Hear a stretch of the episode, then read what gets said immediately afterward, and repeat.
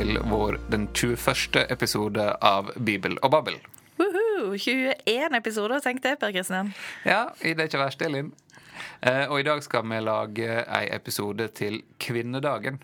Og i forberedelsen til denne episoden så har vi vært innom praks praktikumsstudentene på MF. eh, Og hatt eh, forelesning og snakka i grupper om denne teksten sammen med de. Så vi har tatt med oss de innspillene vi fikk i den dobbelttimen vi hadde der. Og så har vi rydda litt i våre egne tanker og tatt med oss deres perspektiv. Og så har vi satt sammen denne episoden på kvinnedag. Og hvorfor gjør vi det? Er det noen trusopplæringstiltak på kvinnedagen? Vel, eh, tradisjonelt sett ikke, det vil jeg tro. For kvinnedagen er jo ofte ikke en sånn eh, vanlig søndag høymesse-type gudstjeneste. Det er jo ofte litt sånn spesielle gudstjenester på kveldstid. Ikke sant? Og det er klart at til vanlig når en har gudstjeneste sånn i beste leggetid, så er ikke det så mange barn til stades. Men i år så faller 8. mars på en søndag. Det gjør han.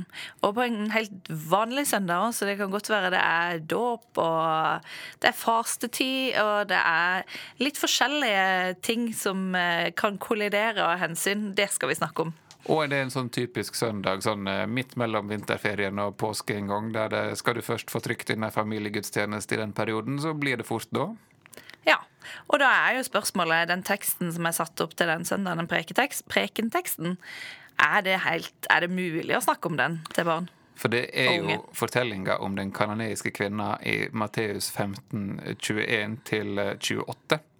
Eh, Og det er jo faktisk en tekst som eh, Norsk kvinnelig teologforening har anbefalt til bruk på kvinnedagen ellers. Eh, Og nå feller den på 8. mars, rett og slett fordi det er den som står i tekstboka den dagen. Så det er litt tilfeldig. Ja, hvis jeg tror på tilfeldigheter, Ja. så, så er det vel det. Men det er noen grunner til å bruke den, og noen grunner til å ikke bruke den. Det skal vi komme inn på om litt. Men når vi kommer til ei tekst Dette er en fortellingstekst. Det er litt krevende tekst. Der er en del ting i denne her som er vanskelig å forstå og vanskelig å forklare. Så tenker jeg da kan vi begynne med å si noe om hvordan vi har jobba med tekst, og prøve å oppsummere litt. Hva er det vi gjør på i Bibel og Babel. Er, vi skal rett og slett si litt om metoden. Hvorfor gjør vi det vi gjør, og hvordan gjør vi det vi gjør. Og det vi ofte begynner med, er jo å lese tekst, og gjerne sammen. Eh, Fordi at eh, det er et eller annet med å lese tekst sammen som gjør at du ser noe som jeg ikke ser, og jeg ser noe du ikke ser. Både fordi vi er forskjellige personer, men også fordi vi har forskjellig faglighet. I kirka så har jo prester lang tradisjon for å ha sånne tekstsamlinger. Eh, Noen har det ofte, noen har det sjeldnere. Men det å komme sammen med andre som skal jobbe med samme tekster for å se hva en ser i en tekst, det kaster ganske mye av seg. Så jeg tenker at Det er av og til et problem at det er bare prestene som eh, er med på de tinga der. Iallfall når det er andre som skal forkynne når søndagen kommer. Ja, og det hadde jo gått an å gjøre noe sånt i et stabsmøte en gang innimellom. Og hvis en har trusopplæringstiltak, så går det også an å integrere en sånn gruppelesning av tekstene i tiltaket. Definitivt, for eh, å lese tekst sammen med barna det kan jo gi veldig mange spennende perspektiver til prekener. Og når en leser tekster sammen på den måten, så legger vi vekt på at du skal finne noen byggeklosser, noe i tekster som en kan bruke videre i forkynnelsen på en eller annen måte. Det kan være et ord, det kan være et begrep, et bilde, En person.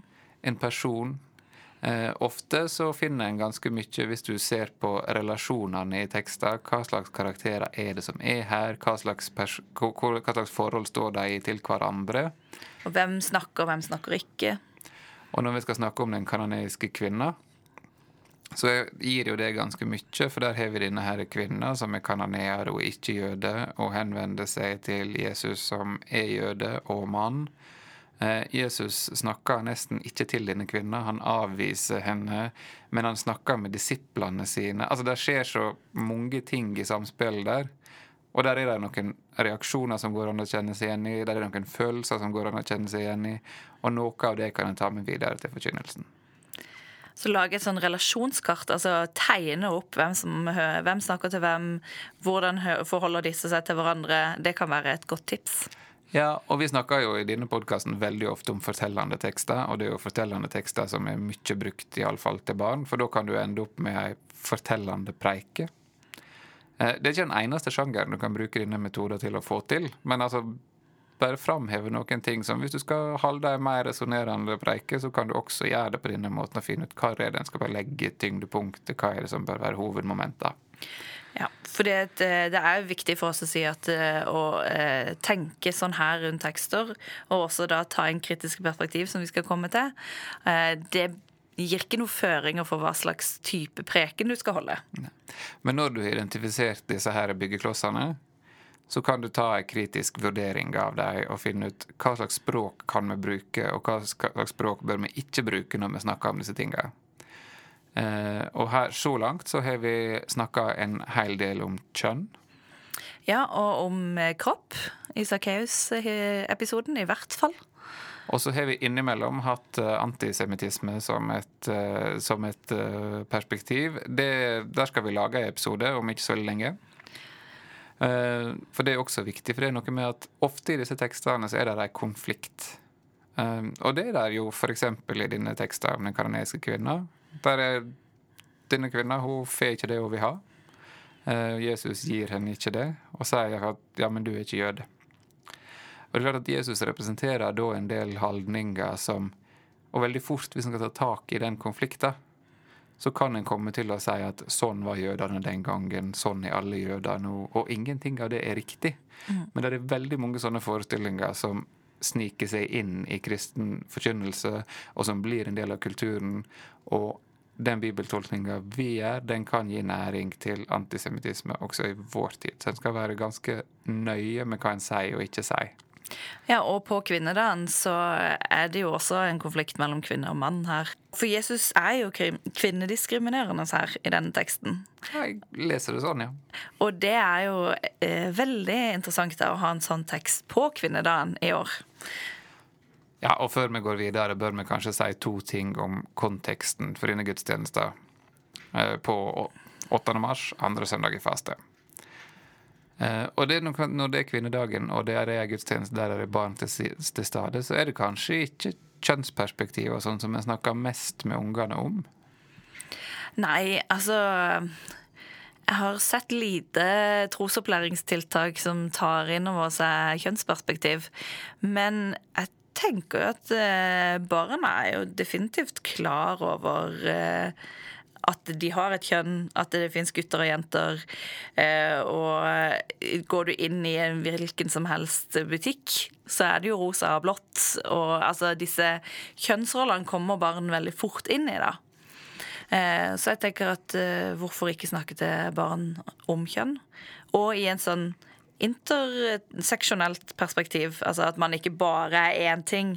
Vi er ikke bare kvinner eller bare menn. Du er også da eh, Den kanadiske kvinna er veldig tydelig definert som både kanadisk og kvinne, f.eks. Og det gjør at hun er enda mer marginalisert enn hvis hun hadde vært kvinne og en eller annen nasjonalitet. Eh, og barn blir ofte også sett på som bare alderen sin i, i når vi snakker om barn. Eh, det er det mange sånn forskere på barn som påpeker at det fins en del De kaller det for ageism når en snakker til barn. Og at barn også er, bør ses i et interseksjonelt perspektiv. At de er ikke bare mellom fem og syv. De er også eh, gutt eller jente. De er også interessert i et eller annet. De har en nasjonalitet, osv. Og så Den andre sida av dette her er jo at kvinne, kvinnedagen er vel offisielt så er det FNs dag for kvinners rettigheter, eller noe sånt. Uh, og at den har sin bakgrunn i en kvinnekamp og, retten, og kampen for like rettigheter, og at det er en del i den kampen som kanskje er fremmed for barna. At de har ikke tenkt over at det er forskjell på rettighetene. At det er en forskjell mellom kjønnene er kanskje etablert, mm. men at de ikke har like rettigheter, er vel ikke skal jeg være litt eldre for å ha et forhold til, kanskje? Ja, men urettferdighet er det jo mange som er opptatt av, selv, om de ikke er så veldig voksne. Eh, å kjenne på at noe er urettferdig, det er det jo mange som kan kjenne seg igjen i, selv om ikke denne her kvinnekampen sånn sett kanskje er noe de eh, verken vet så mye om eller eh, identifiserer seg så voldsomt med. Og da kan en faktisk gjennom å bruke disse bibeltekstene her eh, få fram de perspektivene for Jeg har en sånn liten tanke at når jeg leser dine tekster her, så ligner jo den veldig på uh, fortellinga om uh, offiseren i Kapernaum i Matteus 8. Det, er jo nesten sånn at evangelisten prøver å gjøre de tekstene så parallelle som mulig. Det er fortalt på veldig den samme måten. Uh, Offiseren i Kapernaum og den kanoniske kvinna de er begge uh, utafra. De er ikke jøder, noen av dem. Eh, begge har noen, en tjener og ei datter, eh, som de er bekymra for, og som de ber om helbredelse for. Men i fortellinga om offiseren i Kapernaum så protesterer ikke Jesus. Han bare sier at trua di er stor, og det skal gå som du har sagt. Men her, når det er nesten lik fortelling, der det eneste forskjellen er at den som spør, er kvinne, så avviser Jesus henne i første omgang, og hun må krangle. Så det å være mann trumfer det å ikke være jøde? Ikke sant? Tenker, altså, så Det jeg får aller mest lyst til når jeg sitter med disse tekstene, her, det er å lage et konfirmantopplegg. Eh, og sette i gang en gruppediskusjon. og på en måte gi dem de to tekstene og tenke hva er forskjellen her. Mm. Det hadde vært kjempespennende. Så det, det, er kanskje det vi har mest lyst til å gjøre. Uh, det, men det er ikke det vi skal gjøre i dag. nei. Men, men, det å bruke bibeltekster som kan være verktøy til å få fram den type motsetninger, den type konflikter, som kanskje å gjøre ungene oppmerksom på at sånn er verden. Ja, og så eh, tror jeg at spesielt på en sånn her, da så kan vi kanskje av og til tenke at ja, men i Norge og i norsk kirke så er disse kvinnekampen eh, den er ferdig, den er vunnet og sånn. Men eh, det, det har vi mye empirisk belegg for å si at det er han ikke. Og derfor så er det viktig å fremdeles bruke kvinner til å snakke om likestilling. Og eh, nå har vi jo sagt noe om at vi vil ha kritisk vurdering av disse byggeklossene våre hele tida. Og sånn som i dag, da, så oppfordrer vi til å bruke feministiske og likestillingsperspektiver på teksten. Mm. Men så er det jo alltid sånn i kirka at en har ikke bare ett hensyn når en skal ha gudstjeneste. Det skjer alltid masse ting på en gang. Eh, og det er klart at det at dette her, denne søndagen var felle på kvinnedagen, ja, det er nødvendig å si noe om det. Jeg tenker Det å ikke si noe om det vil være et ganske sterkt statement av noe en kanskje ikke har lyst til å si. Ja, og, det å være klar over at det faktisk er kvinnedag, da, det, det bør adresseres i løpet av gudstjenesten. Selv om ikke det Jeg tenker det bør være hovedpoenget, men kanskje ikke det blir det overalt. Da bør du i hvert fall si at jeg er klar over at det, det er den dagen i dag. Så, men så er det også da andre søndag i fastetida.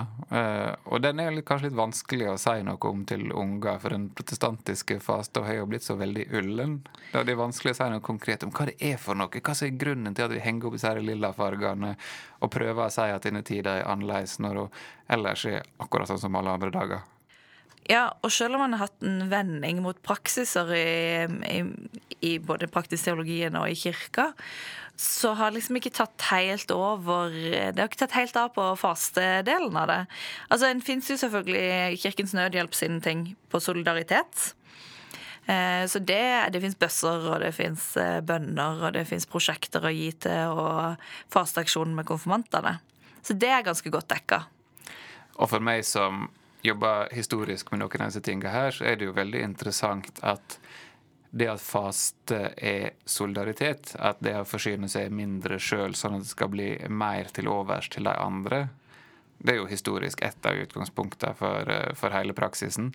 Men det blir jo stadig mer aktuelt i ei tid med klimakrise, og en skjønner at forbruket må ned for at måte, andre skal få det bra. Altså, disse gamle tinga har plutselig en annen aktualitet. og at Det er noe med situasjonen i verden som gjør at vi forstår innholdet i det. da. Det er ikke bare tomme fromhetsøvelser. Nei, og Derfor så kan det jo også da være som du sier, mer aktuelt og kanskje oppmuntre til å utvikle enda med flere praksiser på det området. da. Vi skal få litt hjelp til det i neste episode av Bibel og Babbel. Da har vi invitert Stian Kjelde Aarbrot. Som skal komme og snakke om faste og praksiser. Og det blir da eh, dagen etter skonsdag, eller noe sånt, som kommer litt seint, men eh, den kommer godt, tenker vi. Ja, vi håper det. Men, så det vil si at ett perspektiv av fasen er dekka ganske godt inn. Med solidar altså dette solidaritetsperspektivet. Men eh, mer det her med å avstå fra ting for å være, bruke tid sammen med Gud. Eh, fokusere på åndelige, spirituelle øvelser osv Det er vi vel kanskje ikke så gode på. Der er vi litt ulne, sånn som du sa. Samtidig som tekstene på det, akkurat denne søndagen, de har jo en sånn der kampen mot Gud, egentlig. Som en sånn der eksistensiell uh, overskrift. Altså brytningene mellom noe i oss sjøl og noe i Gud, og så hvordan skal vi forstå det? Mm. Så det er jo en sånn der åndelig øvelse i fastetida. Tekstene går i retning av det. Men når det er sagt, så er jo dette en tekst som mange ville tenke at eh, den kan vi ikke bruke til barn, eller den er i hvert fall veldig uvanlig å bruke til barn. Og den reaksjonen har vi allerede fått når vi foreslo å bruke den teksten på praktikum. Så Per Kristian, hvorfor skal vi ikke snakke om denne teksten til barn og unge? Altså, Det er jo mange gode grunner til å ikke gjøre det. Uh, en av dem er jo at dette her er jo, selv om det toner litt ned, så er det eksorsismetekst. Det handler om Jesus som driver ut onde ånder. Eh, og her kan jeg på en måte anbefale altså Alle som har gått kristendom grunnfag, og sånn, de har jo fått eh, beskjed om at de må ut og kjøpe seg evangeliesynopse. En sånn bok der eh, de, Markus og Matteus og Lukas står oppført ved siden av hverandre, og der du kan sammenligne tekstene. Det, jo, det, var veldig, veldig mye bibelfag som ble drevet på den måten en periode. Det er ikke så på moten om dagen, men noen tekster så kaster jeg litt ekstra lys over. Og eksempel eh, denne teksten her, eh, den er jo henta fra Markus 7. Da finnes det ei kort fortelling i 7.24-30 eh, som ligner veldig. Og når du sier 'henta', så er det i betydning at Matteus bygger på Markus? Det er det som er den vanlige måten å forstå det på. og da ser du at Hos Markus så er jo dette en fortelling som er helt tydelig eksorsisme. Det handler om å drive ut, kaste ut de ureine åndene. Veldig mye den type språk. mens Matteus justerer det, sånn at han forteller denne fortellinga, så handler det om helbredelse. Det handler om det at denne her kvinnen skal bli frisk. Eh, og det er jo I antikken så var jo det litt to sider av samme sak, og to motiv som flyter over i hverandre, fordi at det var jo kanskje de onde maktene som gjorde at hun ble sjuk. Av og til så bodde der inne personen, av og til var det bare konsekvensene av at de hadde vært altså en masse veldig komplekst og veldig vanskelig for oss med vårt moderne medisinske verdensbilde å forstå hva som foregår. Men jeg tror egentlig sånn som i Matteus er på en måte hoved det, det hovedanliggende er at det er snakk om at noen trenger helbredelse, noen trenger å bli friske. Og så er det vel bare to-tre ord som handler om akkurat en eksorsisme. Ja, Men sånn eksorsisme er vel heller ikke helt utdatert praksis eh, heller? Nei, altså det finnes jo altså i forskjellige kristne tradisjoner. altså I den katolske kirke så er det institusjonalisert. og Eh, og i en del karismatiske bevegelser så er det mye tydeligere. Og så er det en del problematiske sider ved det. Både den krasjen med det moderne verdensbildet det er også en kjønnsdimensjon ved det, at det er ofte kvinner som blir beskylda for å være besatt, og eksorsismen som preger av det. Det er en del ganske vanskelige historier rundt alle disse tinga. Og så finnes det eh, skrekkfilmer, f.eks. 'Eksorsisten'. Da har jeg hørt at eh, eksorsismen i Den katolske kirke, kirke fikk seg en boost etter den filmen. Og det er da jeg tenker at hvis en skal snakke om de tingene og gjøre det til et tema, så blir det veldig fort til at en bare forteller spøkelseshistorier for å en skremme folk. Eh, en får helt sikkert masse oppmerksomhet. Det kan være en enkel måte å få folk til å lytte på. Men så sier en en del andre ting, og det er noe med å gjøre en Jesus-fortelling til noe så fjernt og eksotisk som Jeg er ikke sikker på om det tjener, tjente så mye, da. Nei, og Eh, apropos Jesus-fortelling eh, og Jesus i denne her eh, fortellinga. Det er jo ikke en så hyggelig Jesus. Nei, for det er jo som du sier, en kvinnediskriminerende Jesus som ikke vil gi til denne kanadiske kvinna det han gir til alle andre. Det er ei kvinne som ikke vil noe annet enn at dattera skal bli frisk. Så det er jo en veldig sympatisk kvinneskikkelse og en veldig usympatisk Jesus som er overlegen og nedlatende og diskriminerende. Ja, og ikke bare Jesus' disipler nå, som ikke snakker til henne, men sier til Jesus. De snakker om henne, og ikke til henne. Ja, ikke sant? og de klager sånn 'Bli ferdig med denne kvinnen', og går og roper etter oss. Det er noe sånn klassisk patriarkalsk at uh, kvinnene skal ikke blande seg i mennene sin samtale. De har ikke noe å gjøre i det offentlige sfære. Der er det bare samtale mellom menn og kvinner med alt det hysteriet der. De skal holde ja, for jeg hørte litt sånn hysterikonnotasjoner baki der. Ja, og det er jo en haugammel sånn kvinnefiendtlig stereotypi. Altså Det er jo så innbakt i språket at ordet hysteri det kommer jo av ordet for livmor. Så det er noe som kvinner driver med som per definisjon. Og som man da har brukt masse annet psykologiske teorier opp igjennom for å begrunne hvorfor man er så hysterisk som kvinne osv. Så, videre. så når kvinner klager og sier ifra, så er de hysteriske. Mm. Så i denne teksten her så får vi den, så får vi den uh, stereotypien at det er hennes helt legitime behov, hennes helt legitime ønske blir bare vurdert som noe sånn kvinnemas. Så den er ganske drøy. Og sammenligninga med offiseren i Kapernaum i kapittel 8 gjør det enda drøyere. Fordi der er det ikke sånn. Ja. Og da er jo da spørsmålet, når vi snakker om hvorfor ikke snakke om denne teksten til barn eh, eh, å fremstille Jesus på denne måten, eh, særlig i en sånn trosopplæringssetting der det virker som at Jesus ofte blir fremstilt som god og snill. Det er i hvert fall fra empirien i mitt feltarbeid, så er det det er lite konfliktfylt, det Jesusbildet som framstilles. Det er Jesus som er din beste venn, og som vil at du skal være glad i alle. Og som eh, er åpen for alle og ønsker alle velkommen. Det, det er det som går igjen av Jesusbildet. Ikke sant? Og så er jo, det en tolkningshistorie på denne teksten som har prøvd å komme til rette med denne vanskelige Jesusen på en eller annen måte. Eh, og en måte som kanskje er litt utdatert, men som har vært viktig i teologihistoria, er jo å tolke dine tekster allegorisk. At en river den ut av den historiske sammenhengen og så tenker at den her skal si noe om en djupere teologisk sammenheng. Eh, og da er det jo en sånn frelseshistorisk tolkning at denne kvinna representerer folkeslagene eh, som ber for dattera si, som da er på en måte alle de folkeslagene som ikke har møtt Jesus. Mens jødene er de, de som møter Jesus og får førstehåndserfaringer. Eh, og så er det på en måte de må helbredes på avstand da, gjennom det ordet som apostlene formidler til kirka. Så kan de også få del i helbredelsen.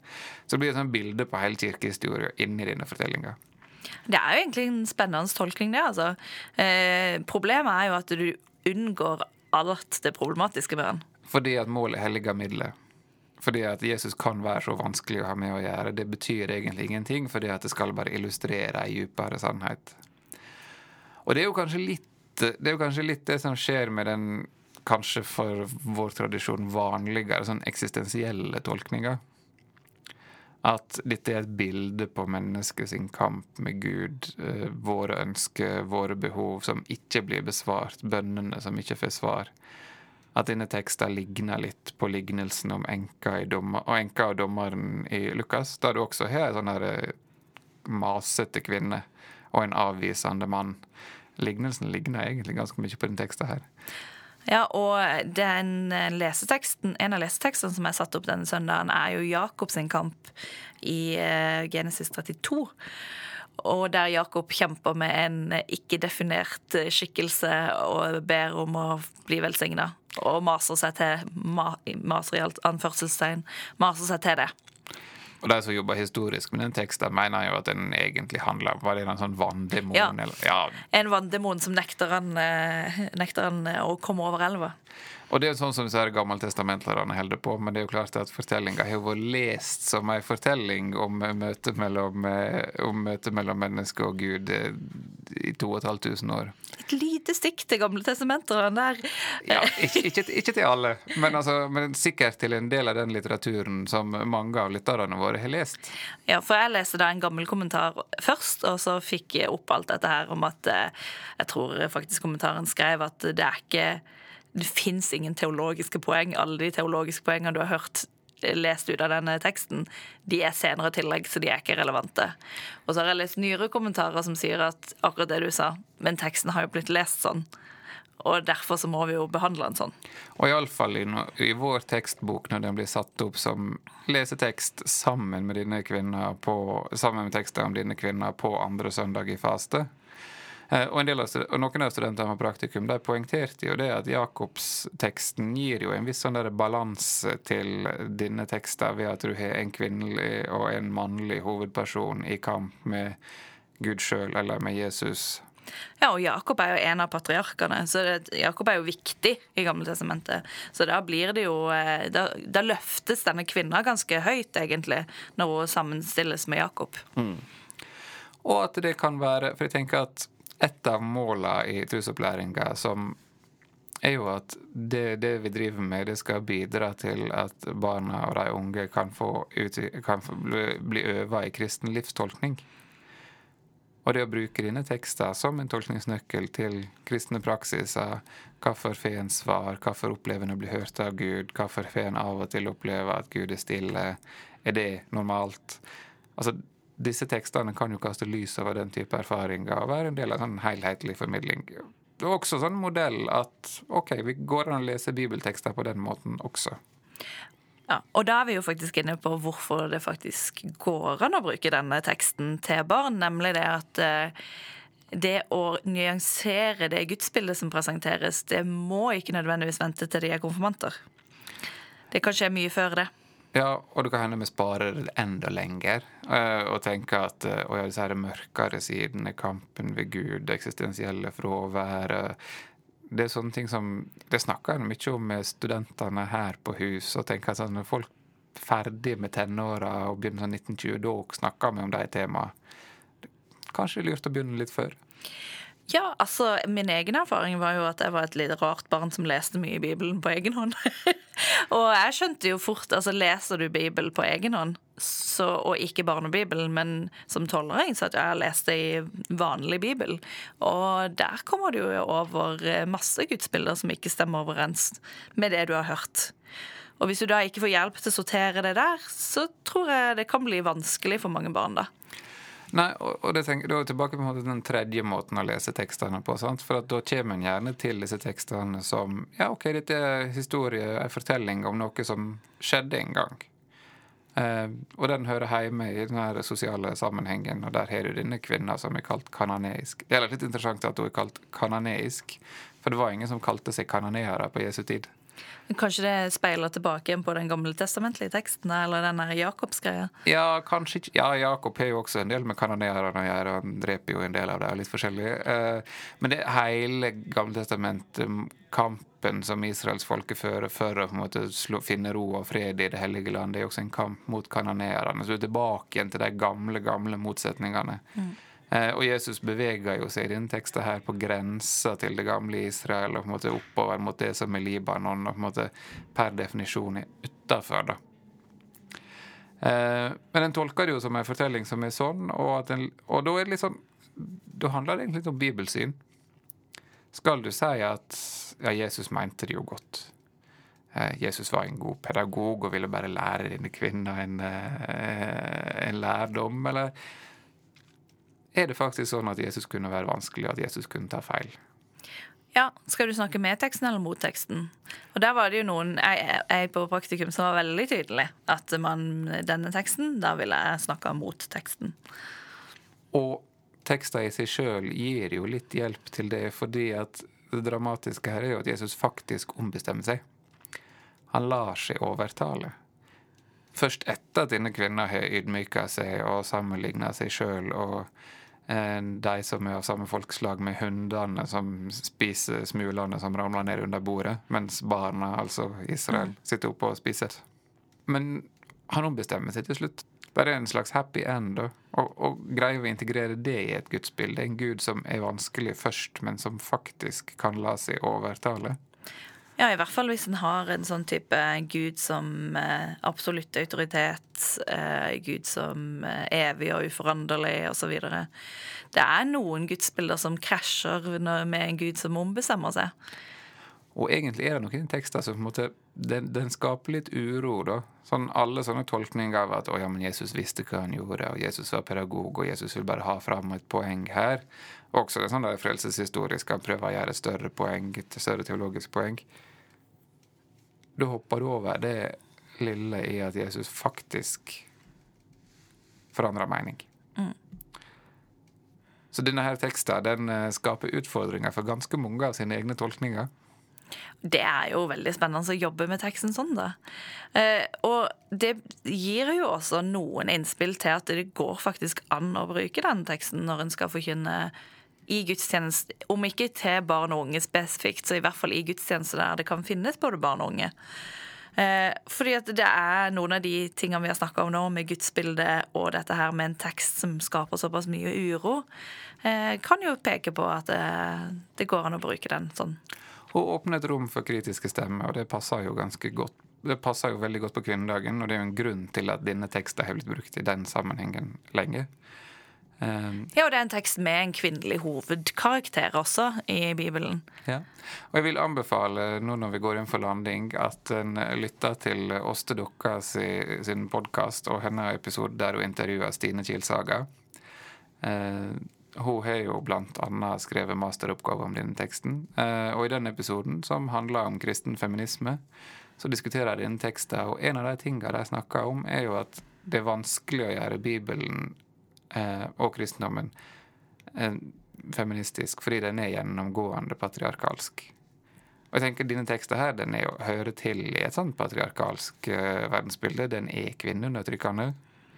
Eh, men den inneholder også en sånn spore til å utfordre de systemene. Og det er jo det Åste Dokka og Stine Kilsaga snakker om i denne episoden. at feminismen kommer alltid til å ligge der og være et kritisk perspektiv. Den kommer aldri til å vinne, eh, men kommer alltid til å være der og lage uro. På samme måte som disse andre kritiske perspektiver vi jobber med. Og også eh, kan det være et kritisk perspektiv til trosopplæringsopplegg generelt sett. Ikke bare når en skal forkynne, men også eh, tenke på kjønn og representasjon når en skal lage drama, f.eks. Eh, hvem som gjør hva i en gudstjeneste. Eh, hva slags aktiviteter en lager til, og hvem som får lov til å gjøre hva da. Så, sånn sett så kan eh, refleksjon rundt sånn tekst også være med på å reflektere mer bredere om barn og kjønn og trosopplæring. Og også være en inspirasjon til å gå inn i ja, Hvis en tekst virker litt vanskelig, eller hvis dette her er litt komplisert, eller hvis det lager litt trøbbel for de vanlige måtene våre å snakke på, så kan det faktisk være en grunn til å ta tak i det og gå videre med det. I tillegg tenker jeg at også sånne tekster går det an å forkynne til barn og unge om. Kan faktisk bli ganske spennende. Så da gjenstår det å eh, oppfordre dere til å, hvis dere skal preike og dere vet det er barn og unge til stades eh, søndag 8. mars, bruk anledninga. Snakk om eh, feminisme og likestilling og kvinneperspektiver og urolige tekster. Og Jesus som tar feil og eh, lar seg overtale. Så må dere lytte til Åste Dokka og Stine Kilsaga. Og så må vi takke studentene på Praktikum for verdifulle innspill til denne episoden. Og eh, bare understreke hvor gøy det er å lese tekster sammen i gruppe. Ja, vi vil helst ha et gruppeopplegg med konfirmanter nå. Det vil vi. Ja. Så skal vi lage episode neste uke med Stian Kilde Aarbrot om barn og unge og faste. Så da er det bare å se fram til den, og lykke til til de som skal preke andre søndag i fasten. Ja. Takk for i dag. Ha det bra.